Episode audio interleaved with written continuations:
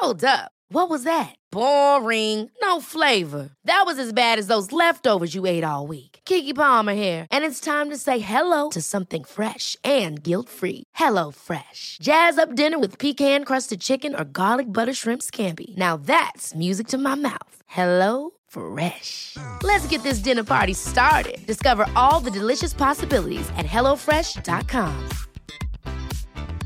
A lot can happen in three years, like a chatbot may be your new best friend. But what won't change? Needing health insurance. United Healthcare Tri Term Medical Plans, underwritten by Golden Rule Insurance Company, offer flexible, budget friendly coverage that lasts nearly three years in some states. Learn more at uh1.com. Many of us have those stubborn pounds that seem impossible to lose, no matter how good we eat or how hard we work out. My solution is PlushCare.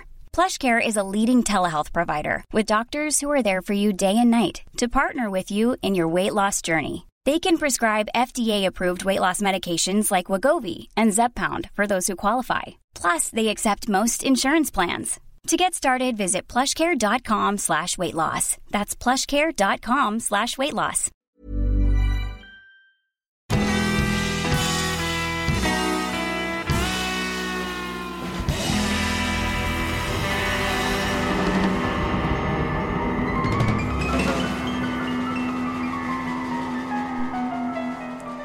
Hej allihopa och välkomna tillbaka till ett nytt avsnitt av Ståpäls. Och det är ju som vanligt jag, Lukas och...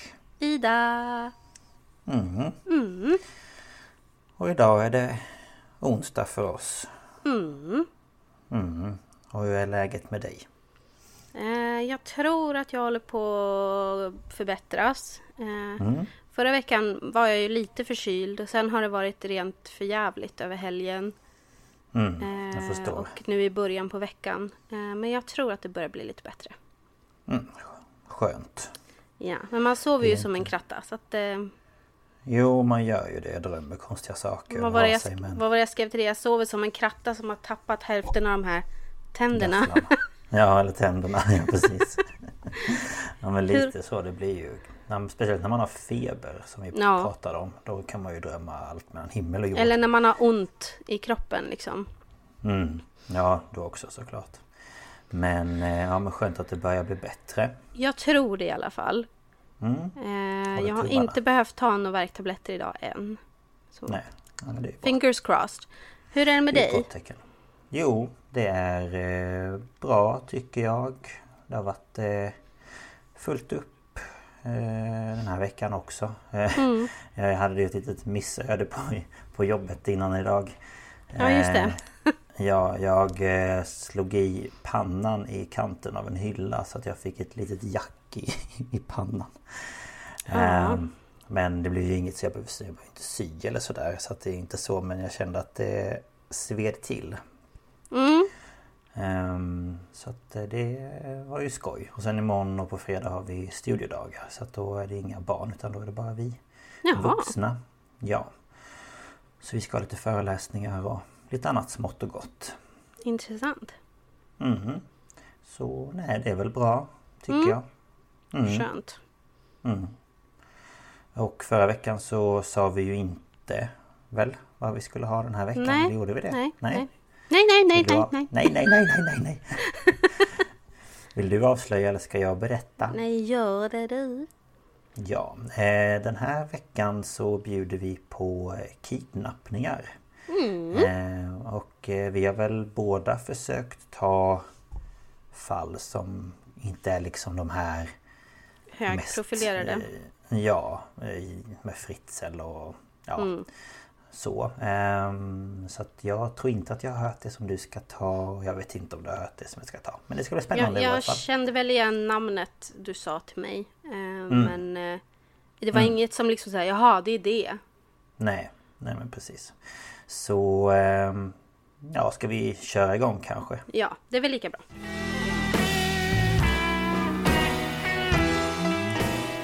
Ja, det är jag som ska börja idag som sagt. Mm. Eh, och jag tänker mig lite så här. Att jag kommer berätta mina källor. Men att jag tar det i slutet av, av min, eh, mitt fall. För att jag tänker det kan avslöja lite. Okej. Ehm, och Och eh, men det jag ska prata om är eh, det som kallas för The Missouri Miracle. Eh, Michael G. Devlin. Mm. Eller J säger man kanske. Ja, om du ville säga det på engelska, ja. Ja, precis. Och eh, då börjar vi den 8 januari 2007. Och då hoppar den då 13-åriga Ben Ownby av skolbussen i Beaufort, Missouri. Eh, ja, där han bor.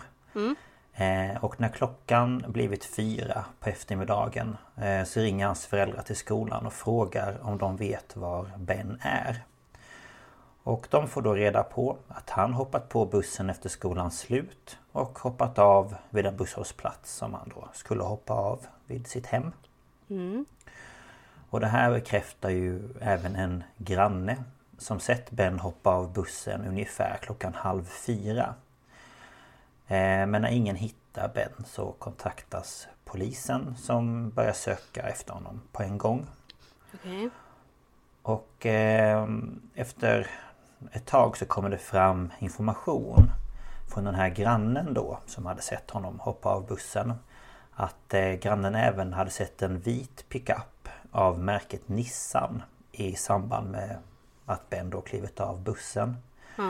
Och eh, den här pickupen eh, kan grannen beskriva i detalj och han kan liksom beskriva mm, rostfläckar och eh, klistermärken och allt möjligt. Och jösses, han Men- måste verkligen antingen ha väldigt bra syn eller stått väldigt nära. Precis. Men problemet är att han inte minns registreringsskylten. Men det är väl intressant, man kollar på rostfläckar och klistermärken men inte, Ja. inte registreringsskylten. När han bara såhär, var, var, varför kommer jag inte ihåg det här? Det är ju jättegalet. Ehm, men polisen i varje fall, de agerar på det här tipset och de börjar söka efter den här bilen. Och ehm, eftersom de vet att bilen har varit ute på gatan där eh, så tar polisen även avgjutningar av mönstret från själva däcken då på vägen. Ja, Så att de ska ha det som ett... Eh, vad heter det? Som ett... Eh, en referens. Ja, eller ja, som en... Ja, ni förstår vad jag försöker komma fram till. Jag kommer inte på vad det heter när man plockar, men när man tar bevis. Tack så heter det. Det är ett ganska, ganska vanligt ord i de här true crime grejerna och ändå Ja, lyckas du glömma det. bort det. Jag bara, vad är det det heter? Det heter någonting. Ehm, och eh, ryktet om den här bilen Det börjar spridas och en bit därifrån Så är det en ägare av en pizzeria Som då reagerar på hur den här bilen ser ut Då den stämmer väldigt väl överens eh, med platschefens eh, bil då som heter Michael Devlin och eh, pizzaägaren heter då Mike och eh, han har känt Michael sedan de gick i skolan tillsammans. Och eh, samma dag då den 6 januari så har Michael gått hem från jobbet och sjukskrivit sig. Ja, och det här var något som eh, tydligen ska ha varit väldigt ovanligt av honom. Ehm, så Mike känner att det är något som inte riktigt känns rätt. Ehm, så dagen efter så åker då Mike hem till Michael för att ja, kolla läget liksom. Och eh, han tar då en titt på Michaels pickup och eh, han kan då se rött damm på däcken. Mm det här dammet det kommer från en speciell grusväg eh, som är då en väg långt utanför stan. Och eh, Mike tycker att det är väldigt ja, konstigt att saker och ting blir liksom ännu underligare. Att, jaha, varför har han då liksom åkt hela vägen ut dit när han mådde dåligt och behövde sjukskriva sig? Ehm, och eh, när Michael inte kommit till jobbet de två kommande dagarna så bestämmer sig Mike för att ringa till polisen. Och eh, polisen de ska då bland annat ha frågat eh, Mike då om Michael hade arbetat på måndagen. För det här var då en måndag då den 6 januari.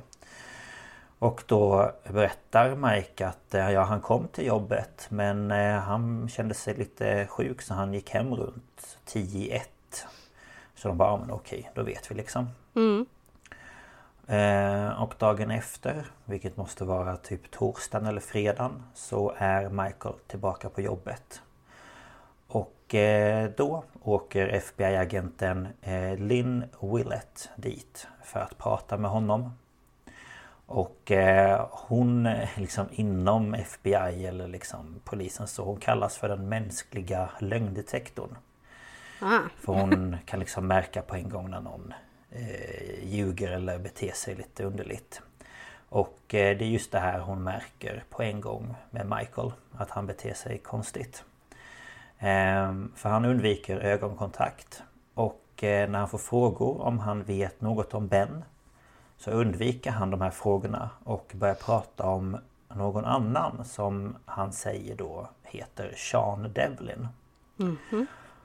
Och Michael berättar att Sean är hans gudson men eh, problemet är bara att varje gång han nämner eh, Seans namn så ser Lynn hur Michaels puls ökar. Och det här ser hon då genom hans eh, halspulsåder. Mm. Så hon bara hmm, någonting är inte riktigt rätt. Jag måste bara eh. tillrättavisa min katt här. Gå därifrån! Ja. Låt bli! Sluta!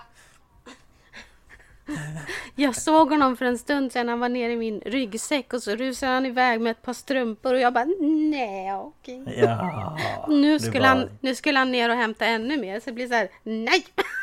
Ja, han gräver efter grejer. Ja, men han älskar att gå ner där och så ligger det väl några strumpor kvar från när jag har varit borta någon helg. Så, mm. så det, ja, jag får leta efter dem sen. Ursäkta det här avbrottet. Det är ingen fara. Man blir så här, nej! Låt bli! Strumpor på rymmen. Ja. Du, han, tar, han tar ju det mesta. Vi minns ju i somras när han hade tagit min plånbok. Ja just ja. Det, det gick så långt så jag fick skaffa ett nytt ID-kort och bankkort. Ja du ringde ju eller skrev till mig. Var har du sett min plånbok? Jag nej. bara nej jag tror inte det. Bara leta leta leta. Sen så har han liksom lagt någonting över den. Mm -mm. Han ja, gräver ju som en jävla hund vet du. Mm. Jag förstår. Continue eh, on. yes. Eh, ja, han... Eller hon ser då det på hans halspulsåder. Mm. Och eh, efter att eh, hon förhört honom i en timme så inser hon någonting. Och det hon inser det är att Sean är inte Sean Devlin utan han är Sean Hornbeck och att han har varit försvunnen i fyra år. Jaha. Och eh, vem är då Michael Devlin kan man ju fråga sig också. Ja. Eh, ja. Eh, Michael aj, aj, John... aj, aj. Hoppade han på dig oh, nu eller? Ja, han hoppade och så satte han klorna i låret på mig. Ja, skönt. Ja, nu har han ett par strumpor igen. Ah, ja, jag får ta ja. honom sen. Ja. jag blev bara så... Honom i pausen. Man blir så rädd när, när de bara hoppar på sådär hoppa på ja, gud ja. Ursäkta om jag skrek eh, i mikrofonerna. Men... Vi får sänka ljudet på den här lilla Ja, får göra det. Eh, ja, Michael John Devlin. Han eh, föddes den 19 november 1965. Mm. Och eh, som barn så adopterades han in i en stor familj och hade två bröder som även de var adopterade. Mm. samt två systrar. Mm. Och han växte upp i Webster Groves i Missouri och eh, som vuxen så arbetade han som eh, platschef för Emos Pizza. Inte Emo utan Emo som I-M-O-S. Ja, det... mm, inte Emos pizza. Jag trodde det var emo-pizza. ja, den är helt svart. Med schackrutor på. Ja. Och lite nitar. Och lite, lite rosa eller grönt också. Ja, jättefint. Och så när man öppnar på locket så spelas det någon emo-låt. Uh, welcome to the Black Parade, eller vad heter det? Mm, typ. ja, nej, eh, och eh, sen jobbade han deltid på en begravningsbyrå vid Bop Chapel i, i Kirkwood i Missouri. Mm. Och vid tiden då för Bens försvinnande så bodde han själv då i Kirkwood. Mm. Eh, och enligt en vän till Michael så hade han varit ja, utåtriktad och liksom träffat vänner och familj och sådär eh, fram tills han fick diabetes och var tvungen att amputera bort eh, några tår Oj.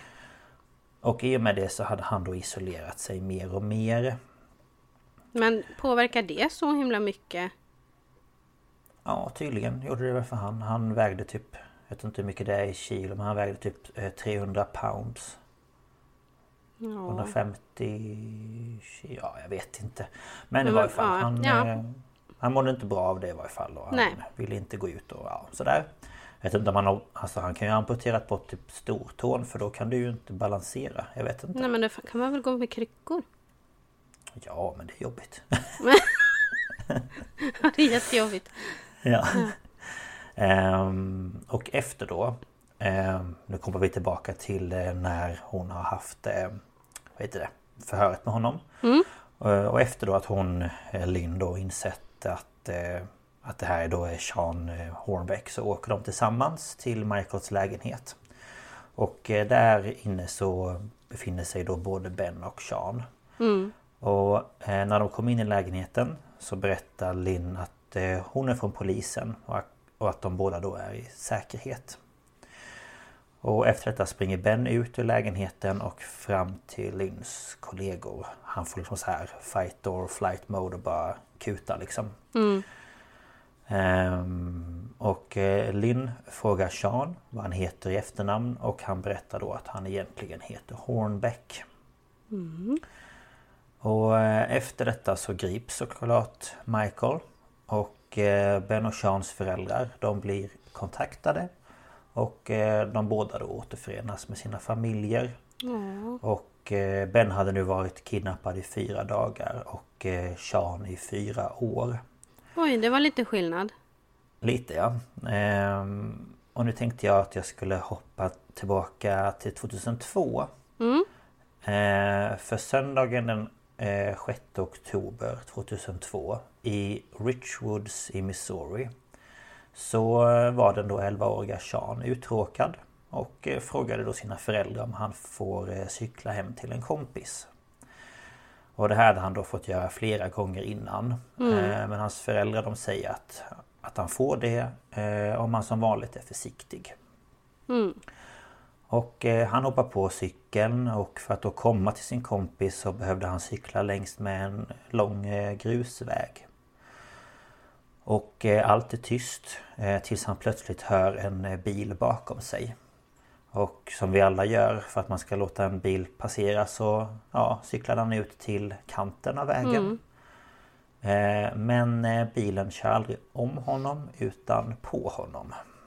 Ja, Ja, och i bilen så sitter Michael och han går ut ur bilen och fram till Sean. Och först så tror Sean att Michael liksom tänker fråga om det har gått bra och att det liksom var en olyckshändelse eller sådär.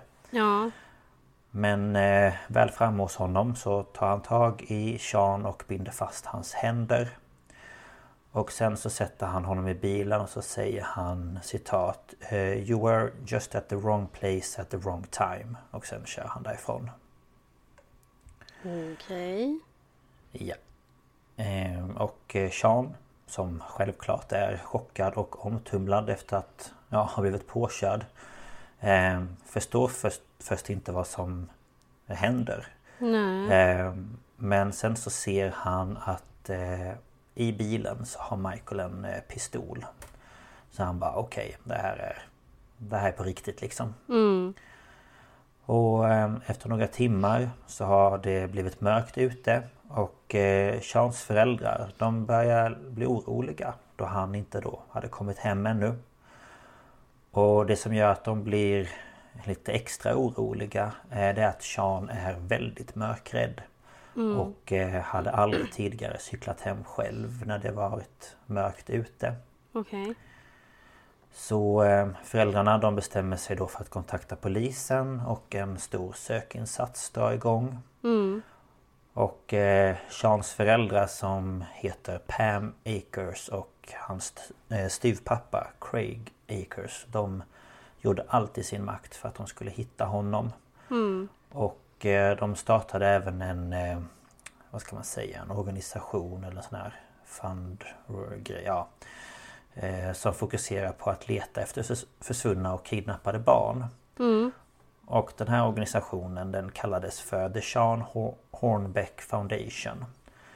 Eh, och idag så har den då bytt namn till eh, The Missouri eh, Valley Sean Hornbeck Search and Rescue Team. Okej. Okay.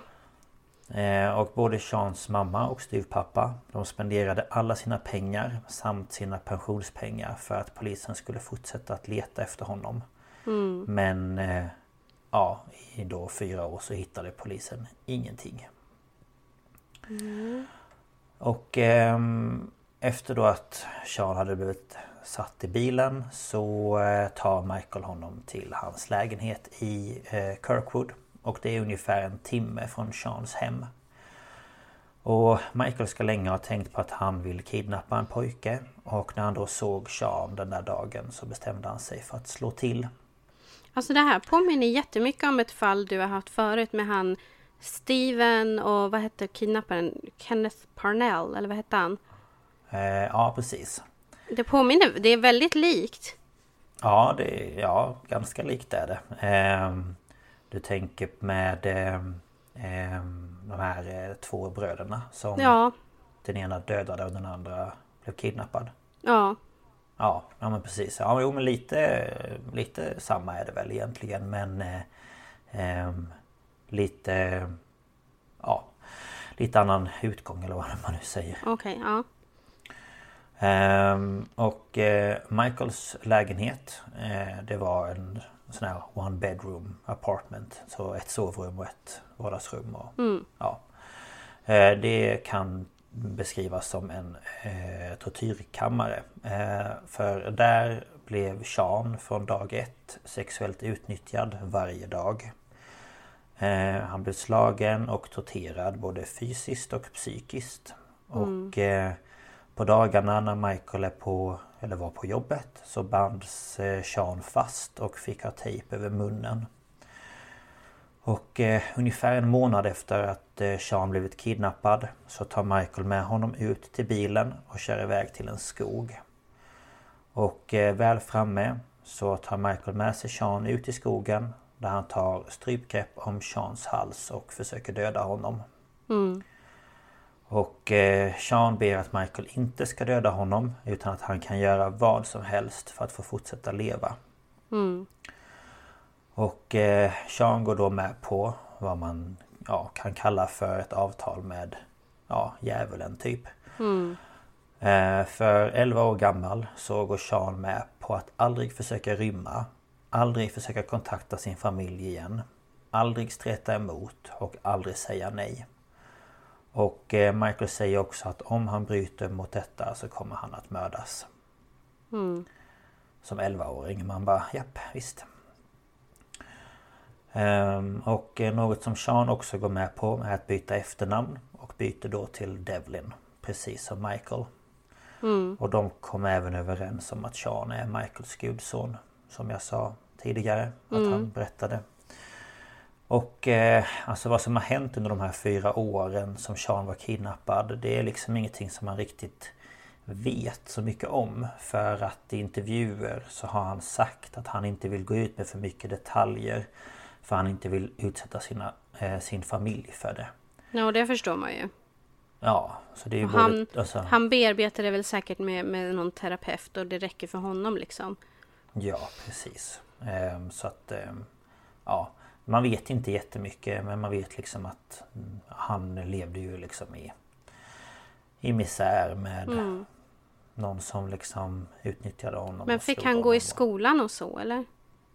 Nej. Eh, han eh, blev... Eh, vad heter det? Fick hemundervisning. Ja, ah, okej. Okay. Sa de. um, och eh, efter att Sean då varit hos Michael i några år så får han mer frihet och han får även eh, börja gå ut. Mm. Och eh, han skaffar sig en kompis och när någon frågar honom om hans familj så säger han att Michael är hans pappa och att hans mamma dött av en rattfyllerist. Okay. Och eh, då säger han ju då även att han får hemundervisning. Mm. För de frågar väl typ så här, vilken skola går du i? Och ja, han bara nej men jag, jag blir undervisad hemma. Mm. Och eh, Michael ger även Sean tillgång till en dator Och i smyg så håller då Sean koll på hur letandet ursäkta, efter honom går. Mm. Ehm, och eh, han ska även ha skickat ett meddelande på Det startade liksom upp någon sån här officiell hemsida just för det här kidnappningsfallet. Ja. Och där skickade han ett meddelande där det står eh, citat Hur länge kommer ni leta eh, Fortsätta leta efter er son. Hälsningar Sean Devlin. Och det här var ju liksom ett sätt för honom att han Hoppades på att någon skulle förstå att det var han liksom. Ja. Men eh, ja tyvärr så är det ingen som, som gör det. Eh, Och styvpappan har liksom senare sagt att han såg den här kommentaren Men han kunde inte koppla att det var hans Sean liksom som skrev det Nej här. men precis. Hur ska de kunna Ja göra men- det liksom? Han var så här, han bara det kanske är någon bara med samma Samma förnamn och liksom ja men Och så sa han att jag Att han liksom jag kommer, vi kommer ju alltid leta efter honom Det spelar ingen Mm. roll utan Nej precis. Ja ehm, Och grannarna då till Michael De har senare berättat Att alla var i i princip i konflikt med Michael och att en granne tyckte att han var liksom ett Ja ett weirdo, alltså en, en konstig eh, människa liksom Ja. Ja Och eh, de som då såg Sean utanför lägenheten De trodde att han var Michaels son Och att Michael var typ den här typen av pappa som inte brydde sig vad hans son var eller när han kom hem eller Ja, fick göra som han kände för Mm. och eh, grannarna de ska aldrig ha sett några blåmärken på honom eller några tecken på liksom vanvård eller misshandel eller någonting. Nej. Och därför så var det ju aldrig någon som hade några misstankar mot Michael att det var något konstigt liksom. Nej. Ehm, och så då en dag i januari Lite mer specifikt den 8 januari så kommer ju Michael hem Men han är inte själv utan med sig har han ju då Ben Owensby Eller Ownby Mm. Och eh, Sean förstår snart vad det är som händer och han inser att han har blivit utbytt och han börjar räkna ner dagarna eh, han har kvar att leva. För han förstår ju att han har blivit äldre och han tilltalar, vilket är äckligt nog att säga, inte Michael längre. Och att han vill ha någon som är yngre. Och hur gammal var Eh. han då? Eh, Då var han 15 Ja. Jag tror att han var 15 Jo, jag tror det Och Ben var ju Nu ska jag se så jag säger rätt 13 Okej. Mm. Ja Ehm, Och ehm, efter det att Michael eh, gripits Så erkänner han sig skyldig till eh, det här som han har gjort då Och i och med att han erkänner sig skyldig så slipper han en rättegång Mhm.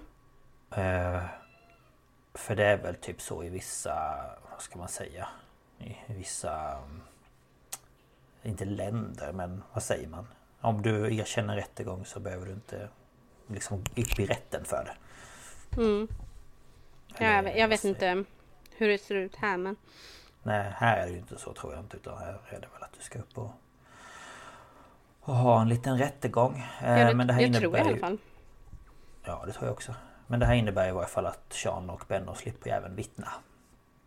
Det är Ja, lite jo. skönt. För dem. ja, på sätt och vis. Ja, Det kanske hade varit skönt för dem att få ur sig det också. ja, såklart. Men också behöva möta den här äckliga mannen igen. Ehm, Men Michael i varje fall. Han döms till eh, 72 livstidsdomar. Åh herregud. Ja, för sexuella övergrepp, kidnappning och mordförsök. Och eh, inte nog med det så döms han även till 170 år i fängelse. Då han har spelat in några av de här sakerna han gjort mot Sean. Mm. Och innan allt det här kan man ju tillägga så var Michael helt ostraffad. Mm. Eh, Och eh, han avtjänar just nu sitt straff på Western Missouri Correctional Center i Cameron, Missouri. Mm. Och eh, Sean mår efter omständigheterna bra och han började gå i skolan igen efter att han hade kommit hem. Och det här är ganska galet men han lyckades ta igen de fyra åren han missat i skolan på ett och ett halvt år. Oj. Mm. Så han bara plöjde. Och eh, både Sean och Ben de har gått i terapi och de har haft ett bra stöd hos sina familjer. Och de försöker leva sina liv som vanligt. Om Ben kunde jag inte hitta sådär jättemycket men eh, Sean han har gift sig och han har blivit pappa. För han är ju typ som... Vad är han? Han är mellan dig och mig. Jag tror han fyllde 30. Mm. Eller vänta. Nej han fyllde... Han har fyllt 30. Nej jag vet inte. Han är i Han våran ålder. Ja precis. och sen en liten side-note bara till hela den här grejen. Det är att eh, en av mina källor Det är Spöktimmen. Och i deras poddavsnitt om det här fallet så tog de upp en artikel från Aftonbladet. Som jag också hittade när jag researchade det här fallet och reagerade starkt på. Och sen när jag lyssnade på deras avsnitt så kände jag att jag ville ändå ta upp det här. För att i den här eh, artikeln då som Aftonbladet publicerade den 15 januari 2007 Så lyder titeln på artikeln Han ville inte hittas. Och sen så är första meningen eh, Sean 15 hade många tillfällen att fly från kidnapparen men gjorde det aldrig. För de menar på att han fick ju vara ute och han fick träffa kompisar och han fick dejta och han fick bla bla bla och så vidare och så vidare. Ehm, och eh, det som Spöktimmen också tar upp är att journalisten som gjort den här artikeln har väldigt fel information och lägger även in sina personliga åsikter. Och i ett stycke så står det till exempel eh, 15-årige Sean Hornbeck verkar lycklig över att ha återförenats med sina föräldrar efter drygt fyra år i fångenskap. Men av allt att döma har han stannat frivilligt hos sin kidnappare och via anonyma internetpostningar till och med försökt få föräldrarna att avbryta sökandet efter honom. Man bara... Eh, nej. Han skrev ju för att någon skulle försöka fatta att det var han som skrev. Och sen den här Ehm. klassiska, du hade ju chans att rymma, varför gjorde du inte det? Nej men alltså, bara för att man inte har fysiska rep runt halsen eller fysiska rep Nej. runt fötterna, alltså de, de psykologiska är ju nästan starkare. Precis. Och jag menar, jag tänker liksom lite på Stockholmssyndromet här också. Och han visste ju att om han försökte något så skulle både han dö och hans familj vara i fara. Så att jag menar även om han fick gå ut fritt och han fick eh, Ja, att han inte då försökte rymma det var väl att han liksom bara shit tänk om jag blir påkommen då kommer... då Men jag, kommer jag, liksom- jag tror att det är ett sätt för, för hjärnan att, att få en att överleva också. Ja. Att man bara precis. finner sig i situationen på något vis. Ja. Men när jag tyckte att det var... Jag reagerade, jag läste Det, den här... det var väldigt dömande måste jag säga. Direkt när du sa rubriken, jag bara excuse me. Ja, vad han ville inte hittas. Man bara, men ursäkta. Då, eh, jo, då, då är det ju inte en kidnappning om han inte vill hittas. nej men precis. Nej, men jag bara... Jag ville bara ta upp det för jag tyckte det var... Ja, nej, den, den var inte okej. För jag menar, du måste ju sätta dig in i en kidnappares... Alltså det går ju inte heller att sätta sig in om man aldrig har varit kidnappad själv. Nej. Man vet ju inte hur kommer man tänka, vad kommer man göra, Men vad, det är ju liksom. exakt samma som att skuldbelägga någon som inte lämnar ett destruktivt förhållande. Precis. Varför, varför gör du inte bara slut? Varför lämnar du inte? Nej men alltså fattar du inte den här, de här psykologiska Ja, handklovarna eller psykologiska banden liksom. De är så starka. jag liksom så här om du lämnar mig så kommer jag döda dig. Ja, och, och, och de fysiska hoten också, men också liksom den här... Man måste ju veta att någon tar emot den när man kliver ut liksom. Precis. Så ehm, ja, nej jag tyckte det var väldigt dåligt. Ja, Eh, Men jag tänkte jag skulle berätta mina källor i varje fall. Och det är då dailymail.co.uk Ehm, Och den artikeln heter The Missouri Miracle. Family of Sean Hornbeck Who was kidnapped and held captive for four years by pizza shop boss. Celebrate fourth, 14th anniversary of his safe return home Ja, så där förstod ni ju varför jag inte tog källorna innan. Ja. Eh, och sen statesboroherald.com eh, Jag orkar inte... Ja, Family of boy in Missouri kidnapping case recalls happily receiving word of his recovery. Och eh, people.com eh, Cover story The kidnapped Missouri boys. Och sen Youtube var det en liten liten kort klipp från eh, The Oprah Winfrey Show när han eh, intervjuades efter att han hade kommit ut. Och sen då podcasten Spöktimmen Kidnappningar 11 som släpptes i februari tror jag det var. Så det var mina källor. Ja, jag tyckte detta det var, var intressant. Men Roligt. som sagt att det ändå var lite likt det här tidigare du har tagit. Mm. Vad Ja, hette lite han? Han hette. Steven Steiner heter han väl? Steiner, just det. Mm. Ja. Och Casey eller vad bron nu hette. Mm. Ja, nej men jag tyckte det var... Ja, intressant. Ja, det var ingenting jag kände till så. Nej. Ja men det är så roligt. det, var, det var roligt att få höra någonting nytt. Och bra att det Yes. slutade lyckligt liksom. Ja men precis. Sen, Sen så måste man måste ju ändå älska det här att i USA så får du inte Här är det så här, okej du har stulit 11 bilar och slagit två tanter Då får du ett samlat brott för det Precis. Eller samlad dom för det Men i USA så får du en dom för varje åtalspunkt Precis. Och det spelar ingen roll om du har fått en livstidsdom för en Du kan fortfarande få det för nästa och för nästa och för nästa Ja, Och så säger de ju jag. sådär uh, 72 life sentences to be served, eh, vad heter det? Conceptu... Consexual, con, con, va? Conceptually... Concept... Vad heter det? Jag tappade totalt ordet, men alltså de ska tjä- avtjänas till följd. Så när Ja, den första precis. livstidsdomen är slut, när han har dött första gången så ska han... Då kan han återuppstå. Ska han göra det 72 gånger. ja, ja men alltså... Ja. Eh, ja men det blir ju så. Här i Sverige är det typ så här, ah, okej du har dödat någon, du har kidnappat någon, du har misshandlat någon, du har gjort det här och det här. Ja men du får livstid. Jaha okej livstid, ja du kommer ut om 15 år. Nej men... ja men typ. Ja. Men så är det. Men eh, det var allt för mig. Nu är jag in- intresserad tänkte jag säga. Nu är jag spänd på att höra ditt. Ja, då hoppar vi dit.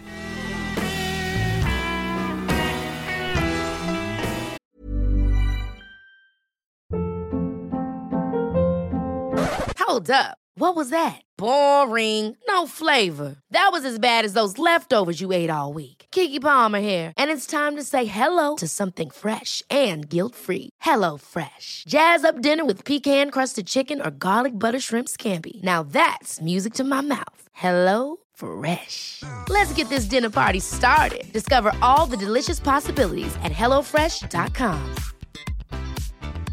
Hey, it's Ryan Reynolds, and I'm here with Keith, co star of my upcoming film, If, only in theaters, May 17th. Do you want to tell people the big news? All right, I'll do it. Sign up now and you'll get unlimited for $15 a month in six months of Paramount Plus Essential Plan on us. Mintmobile.com slash switch. Upfront payment of $45 equivalent to $15 per month. Unlimited over 40 gigabytes per month. Face lower speeds. Videos at 480p. Active Mint customers by 531.24 get six months of Paramount Plus Essential Plan. Auto renews after six months. Offer ends May 31st, 2024. Separate Paramount Plus registration required. Terms and conditions apply if rated PG. Ja, innan jag eh, börjar med mitt så får jag be om ursäkt om min röst försvinner lite då och då. Jag är ju som sagt var förkyld. Så jag kan få lite grodor i halsen och lite så. Men eh, förhoppningsvis ska det gå bra. Ja. Eh, jag ska prata om kidnappningen av Barbara Mackle. Eh, och eh, jag kan dra mina källor nu. Jag har kollat lite på Wikipedia. Jag har kollat på allthat'sinteresting.com om Barbara Mackle. Det är alltså en artikel. Och sen en artikel på thesouthernvoice.com. Och sen två stycken eh, Youtube-videos. En på kanalen Merkdocs eh, om Barbara Mackle och en på The Incredible Journey som verkar vara en Youtube-dokukanal. Och han var, han var väldigt dramatisk. Jag tror att han var ifrån eh, Australien. Eller någonting. Aha.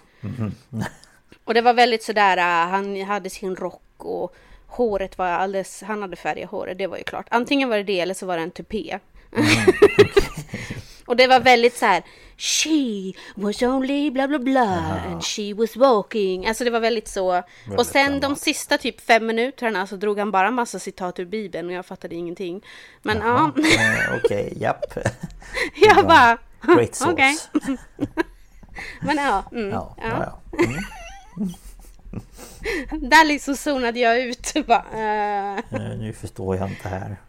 Men eh, ja, det var ju lite information och lite sådär. Lite dåliga eh, recreations. Jag försökte kolla, det har gjorts filmer om det här också. Jag försökte kolla på, på dem men alltså jag är hemskt ledsen men det var så så dålig acting så jag fick typ panik. Det gick inte. Ja, men det Nej men alltså inte. det var verkligen så här. uh, You young lady sit down here on the bed. Man bara... Mm, mm. Och så bara Oh no, please don't do that. You shut up now. Och man bara nej, nej, alltså, nej, nej. Gudaskymning. Nej, det måste vara bra skådespelare annars funkar det inte. Ja men jag bara oh nej. ja, jag får så här uh, kryp i skinnet liksom. Men i alla fall, vi ska hoppa tillbaka till 1968. Eh, och då är Barbara Mackle 20 år och hon går på Emory University i Atlanta i Georgia. Och det här är ett ganska esteemed eh, university. Eh, de har haft mycket så här, eh, men det var någon vicepresident som har gått där och någon astronaut. Och han sa inte namnen men Mm, ja, det är ganska, ganska högt uppsatt. Jag har faktiskt aldrig hört talas om det, tror jag. men eh, men nej. det är folk reser från land och rike för att plugga där tydligen. Eh, man, man har ju mest bara hört om eh, Harvard och Yale. ja. Men det här är tydligen uppe där. Jag vet inte om det är ett Ivy League college eller inte. Jag är inte så insatt i det där. Men det är i alla fall ett fint universitet. och hon är egentligen från Florida. Och hon är dotter till Robert Mackle, en av Mackle-bröderna. Och de här äger The Del- Deltona Corporation.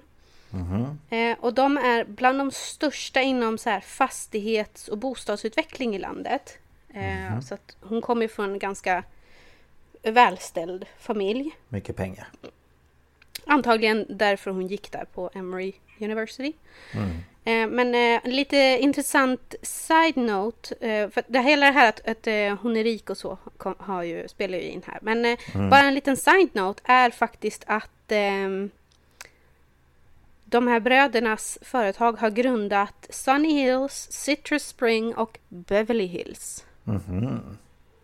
Jaha, ja, det är Och i, de har gl- grundat fler grejer. De var väldigt stora då i Florida, för det var ju där de hade sin bas. Så att det finns ställen som har så här Eklum Corner, Eklum Drive. Och det är alltså Mackle baklänges. Jaha. Så de har upp, liksom Eklum Avenue och typ sådär. Öklum. Hm, Ja. Och det är ju Mackle baklänges. Eller Elkum blir väl, jag vet inte. Det var deras namn baklänges i alla fall. ja. Men ja, det är den 17 december 68.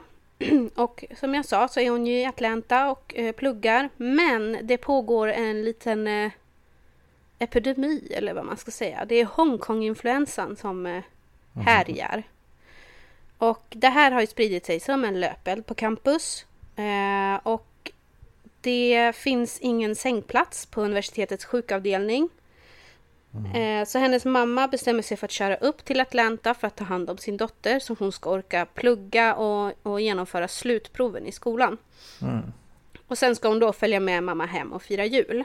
Okej. Mm. Eh, Så de tar in på ett hotell i Decatur nära campus och det här hotellet heter Roadway Inn. De får rum 137 och gör sig hemmastadda. och vid, klockan fyra på morgonen så knackar det på deras dörr och där står en man i poliskeps och säger att han är från polisen och han berättar att Barbaras fästman Stuart har varit med om en bilolycka. Eh, och mamman öppnar då dörren för att hon tänker men herregud det är polisen vi måste ja, eh, släppa in dem. Mm. Men då stormar han in tillsammans med en kvinna som är förklädd till man. Eh, de eh, gör mamman medvetslös genom att använda kloroform och så binder de henne. Och sen tvingade de med sig Barbara under pistolhot och fick henne att sätta sig bak på deras bil som stod där ute. Eh, sen kör de ungefär tre mil och stannar i en tallskog. Och eh, där tvingar de henne att kliva ur bilen och sen ner i ett typ ditch kallar de det, men det är ju dike slash grop. Hur man nu ska säga. Och i den här gropen, diket, så är det en låda i fiberglas. Ehm, och den här lådan hade en pump och två plaströr som pumpar runt luft.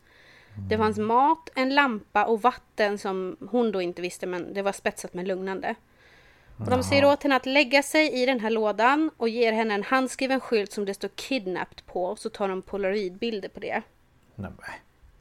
Ja, och de här bilderna kan man ju få fram bara man googlar. Och hon, hon, ser, hon ler på de här bilderna och det sa var för att hon tänkte om det här är den sista bilden min familj ser så vill jag Ja, det ska Le. vara... Ja. Men gud vad hemskt. Ja. Sen så lägger de locket på, skruvar igen det och börjar skyffla på jord. Och i boken eh, 83 hours till dawn från 72 så berättar hon om det här och det här är ett citat och jag valde att inte översätta det. Nej. Eh, utan jag kan översätta efteråt i så fall. I screamed and screamed. The sound of dirt got, got farther, far, Further. The sound of dirt got farther and farther away. Finally, I couldn't hear anything above. I screamed for a long time after that. Fy sjutton. Så hon säger då, jag skrek och skrek och ljudet av jorden som då träffade lådan blev längre och längre bort. Ja. Och till slut hörde hon ingenting men hon fortsatte ändå skriva, äh, skrika. Ja, Hon bara skrev och skrev. Hon skrev som en galning. Nej, hon skrek. Och ingen hörde henne när hon skrev. Nej, det är jobbigt. Ja, nej men fy fasiken alltså. Alltså det är ju begravd. skräck. Ja. Men hon fick luft alltså. Av de här Ja. rören. Och det var ju eh, lampa där nere och, Ja, och så. och lite godis. Men ändå alltså om, om man har klaustrofobi. Ja men fy sjutton. Ja, nej. Mm, nej, det är Paniken. ingen dröm om man säger Nej, så. inte riktigt va. Ehm, vilka var då kidnapparna? Jo, den här mannen som sa sig vara polis. han hette Gary Stephen Christ, eller Christ, hur man nu vill säga. Och han föddes i Pelican, Alaska 1945. Och bodde en del av sin barndom i Utah. Hans första registrerade brott var en rad rån vid 14 års ålder. Där runt 59-60 där. Och eh, han eh, hamnade i fängelse men flydde från ett fängelse i Kalifornien i november 66. Och då avtjänade han ett straff för bilstöld. Så att han är ju på rymmen nu alltså. Mm. Den andra då, den här kvinnan som var förklädd till man, hon hette Ruth Eisman Schier. Schier, det är tyska namn. Ja, ni vet ju hur mitt tyska uttal är. Japp. Eh, hon föddes i Honduras och träffade Gary på University of Miamis Institute of Marine Science. Eh, och det kom senare fram att Gary hade ju förföljt Barbara under en längre tid. Och då är det en eh, parole officer, Tommy Morris, eh, som är då Garys parole officer, som har sagt så här, citat. He was looking for a rich, tough-minded female. Someone who could stand up to the trauma of being buried alive. Man bara, Så ja. han, han hade ju valt ut henne då. ja. Men hur, hur visste han att hon skulle palla det? Eller hade han liksom... Han hade väl förföljt henne så pass länge så han hade fått en bild av hennes Ja. psyke. Jag vet inte. Nej. Nej men det... Ja, herre med. De här kontaktar i alla fall eh, Barbaras pappa Robert och begär en lösensumma på 500 000 dollar. Och det är ungefär 3,5 miljoner dollar idag. Eh, och det här skulle vara i 20 dollar sedlar och så skulle det vara i buntar om 10 000 tror jag det var. Ehm, och eh, det skulle ju vara sådär uh, icke-sekvensserienummer. Alltså de skulle ju vara olika serienummer så att de skulle vara svårare att spåra. Och, Ja. Ja. ja. Eh, och gjorde han det här så skulle han då få sin dotter tillbaka. Och de specificerade att pengarna ska läggas i resväska Eh, om det behövdes fler så fick han väl ta fler. Och eh, han skulle lämna dem i skogen ensam. Och han skulle också eh, lägga ut en annons i tidningen Miami Herald och då skulle han skriva så här och det, det gjorde han också. Loved one, please come home. We will pay all expenses and meet you anywhere, anytime, your family. Så det fick han då lägga ut och det är, eh, om jag ska översätta, älskade jag älskade kan man väl säga. Eh, snälla kom hem, vi betalar alla utgifter och vi träffar dig var du vill, när som helst, din familj. Mm. Ja. Han gör ju det här eh, då Robert och lämnar pengarna. Men det här överlämnandet avbröts av misstag av polisen. Och alltså de har ju kontakt med polisen, de har kontakt med FBI liksom så. Men här är det då miss bara. För att en polisbil med två poliser kör bara förbi och ser två personer bära, släpa liksom tunga väskor. Och när de här såg polisbilen så släpper de väskorna och flyr. Eh, och det var ju då Gary och Ruth.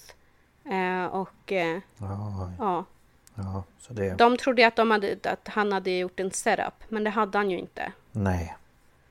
Eh, men eh, man eh, fortsätter ju att undersöka och till slut så hittar man deras övergivna bil. Och i den foton på en man i poliskeps och ett registreringsbevis i namn, namnet George Deacon. Jaha. Och eh, under tiden så har man då lämnat över pengarna en gång till. Eh, och då sagt till alla poliser att hålla sig borta. Men man hör ingenting från kidnapparna. Eh, och, och FBI spårade den här George Deacon till University of Miami. Och, han, och insåg att han arbetade med att bygga ventilerade lådor. Eh, och Deacons chef gav namnet då Ruth Eisman Shear som eh, också arbetade vid universitetet. Eh, och han sa att hon umgås med den här Deacon. Eh, och samtidigt så kontaktas FBI av en man i Georgia som berättar att han har köpt en liten trailer eller så här husvagn Ja. av en man och han hade hittat lite konstiga papper i där. Eh, och då upptäcker man brev skickade till George Deacon och Gary Christ. Eh, då han, och då bara, men det är ju han som rymde från fängelse 66. Och man jämför grejer som hittas i bilen med de som hittas i trailern med de som finns på universitetet och insåg att George Deacon och Gary Christ är samma person. Okej. Ehm, Och den 20 december så ringer Christ, för då har han, de har ju fått sina pengar. Han ringer till en växeloperatör på FBI och ger vaga anvisningar till var Barbara ligger någonstans. Ehm, men inte så här eh, exakt. Nej. Så FBI inrättar en bas i Lawrenceville i Gwinnett County. Och mer än hundra agenter spreds genom området för att försöka hitta henne. Och alltså de gräver i marken med så här pinnar och sina bara händer. Allt de kan hitta för att liksom känna vart det är Mm. Det mjukt. kan Eller vara. liksom så här... Ja. Man, man märker ju om det nyss har grävts någonstans. Jag tänker det och det kanske man även ser. Eller jag vet inte. Om man kan Jag- se det på... Det borde man ju, men jag vet inte. Nej. Eh, beror ju på om de har lagt grejer över och sådär. Jo, såklart. Eh, Men hon hittas och räddas på morgonen den 20 december. Och hon var uttorkad men i övrigt oskadd. Hon hade väl gått ner lite i vikt. Ja, såklart. Eh, Men hon har alltså spenderat lite mer än tre dagar blir det väl. Det är ju 83 timmar tror jag det var. var inte, Ja, det inte 48. så? Men varför vill inte min, min dator? 48. Så, Ja, lite mer än tre dagar. Mm. Ehm, hon var väldigt sådär positiv och så.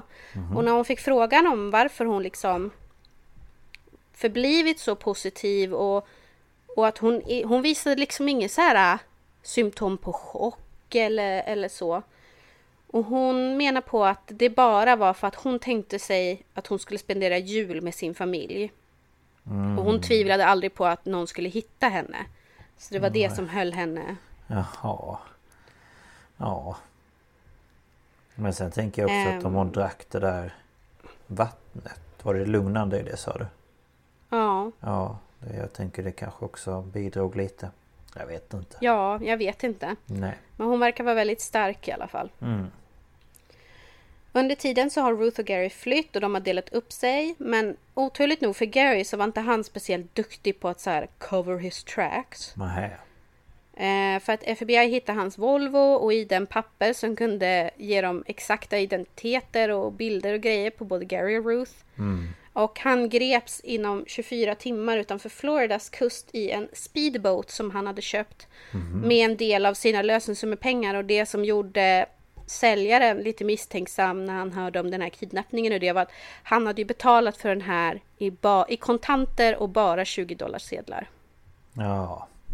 Så han är inte så jävla klyftig.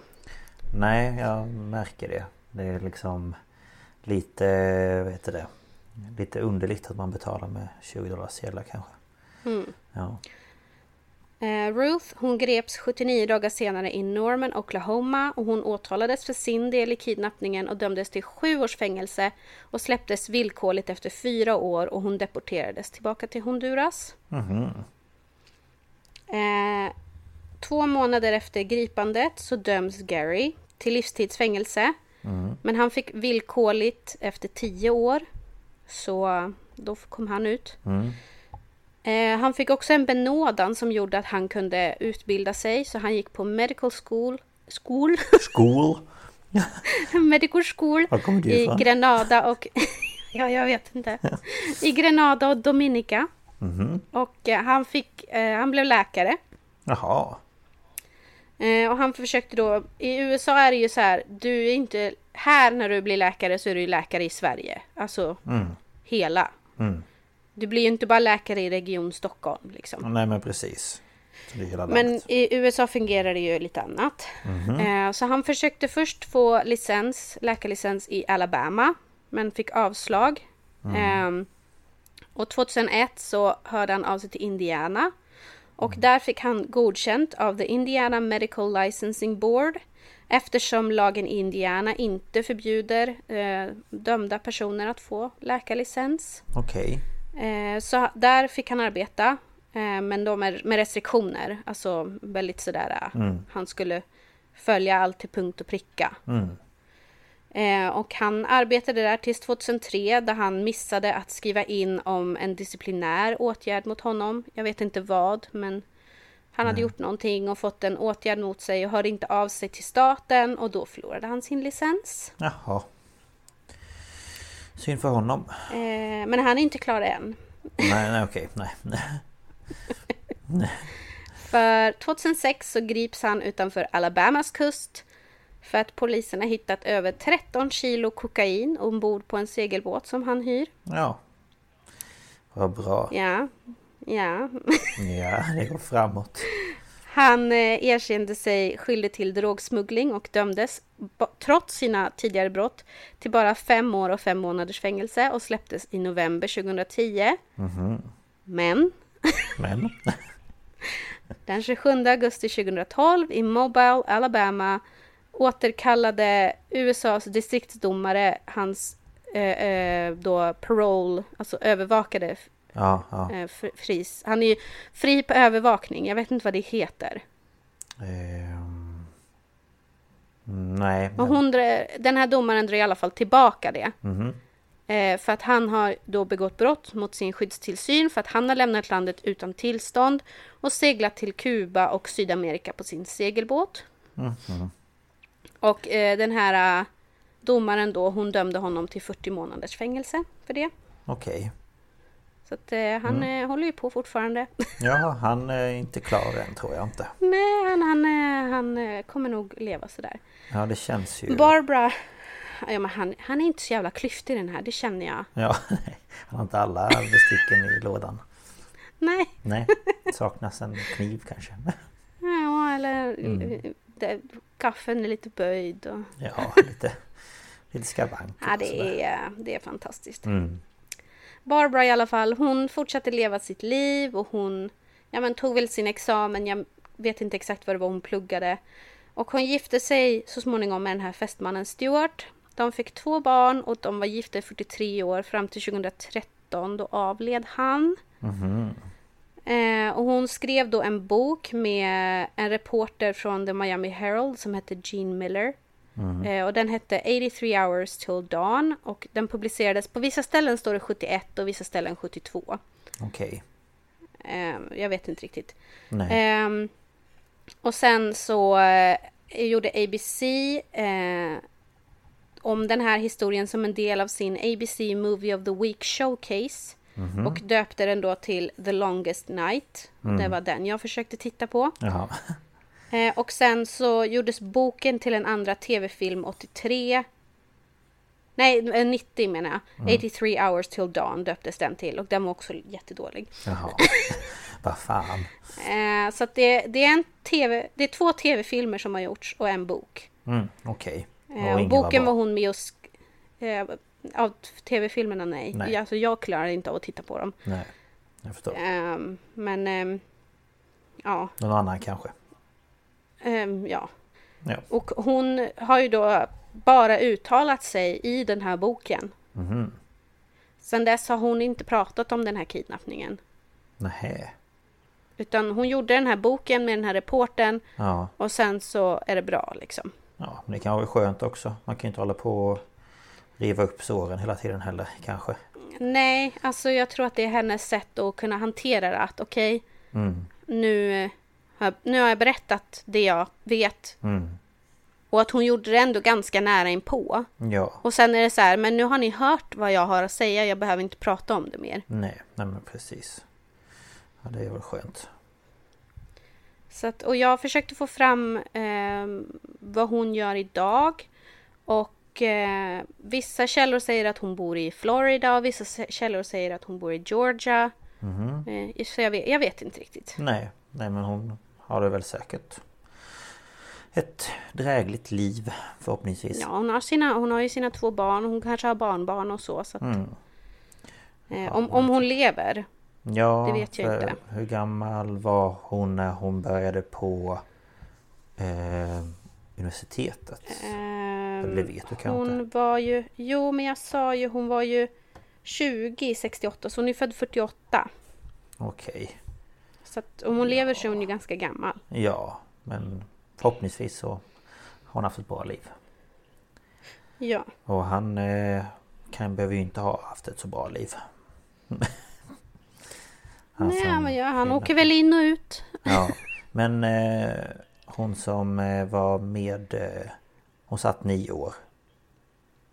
Nej, Eh, hon Ruth. Ja, Hon blev ju dömd till... Nu ska jag kolla här så jag inte ljuger.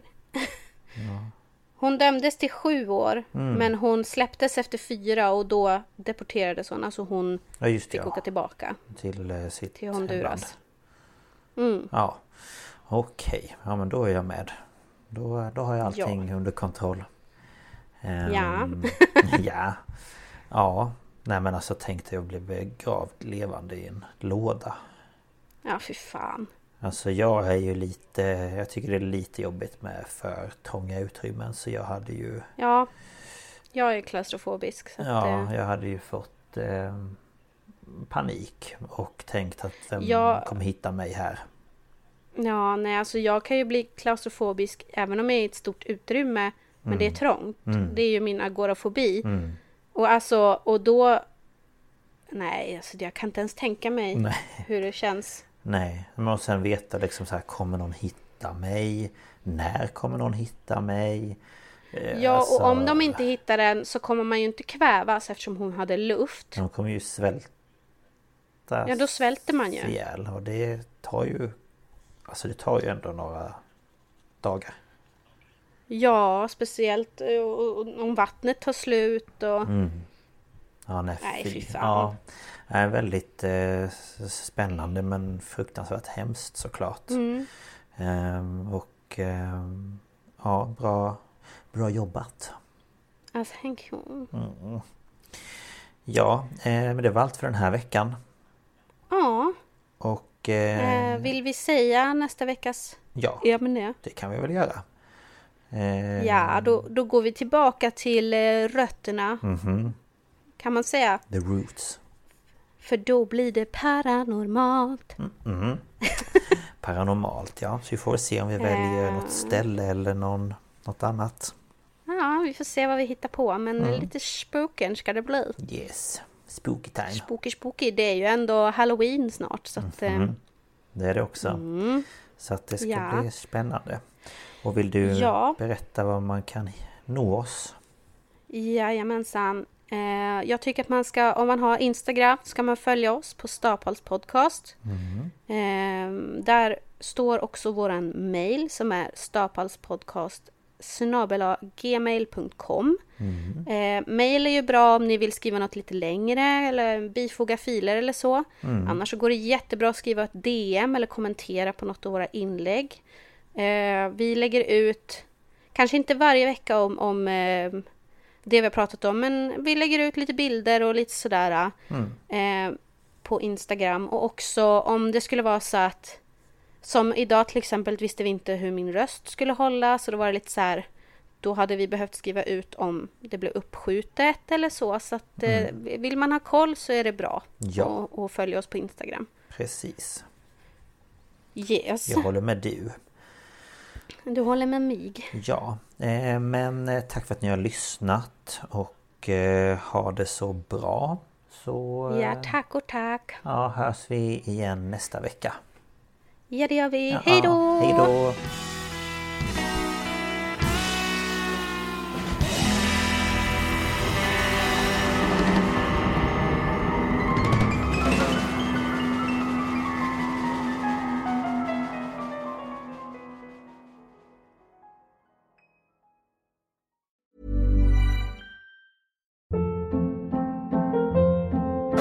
Hold up. What was that? Boring. No flavor. That was as bad as those leftovers you ate all week. Kiki Palmer here, and it's time to say hello to something fresh and guilt-free. Hello Fresh. Jazz up dinner with pecan-crusted chicken or garlic butter shrimp scampi. Now that's music to my mouth. Hello Fresh. Let's get this dinner party started. Discover all the delicious possibilities at hellofresh.com.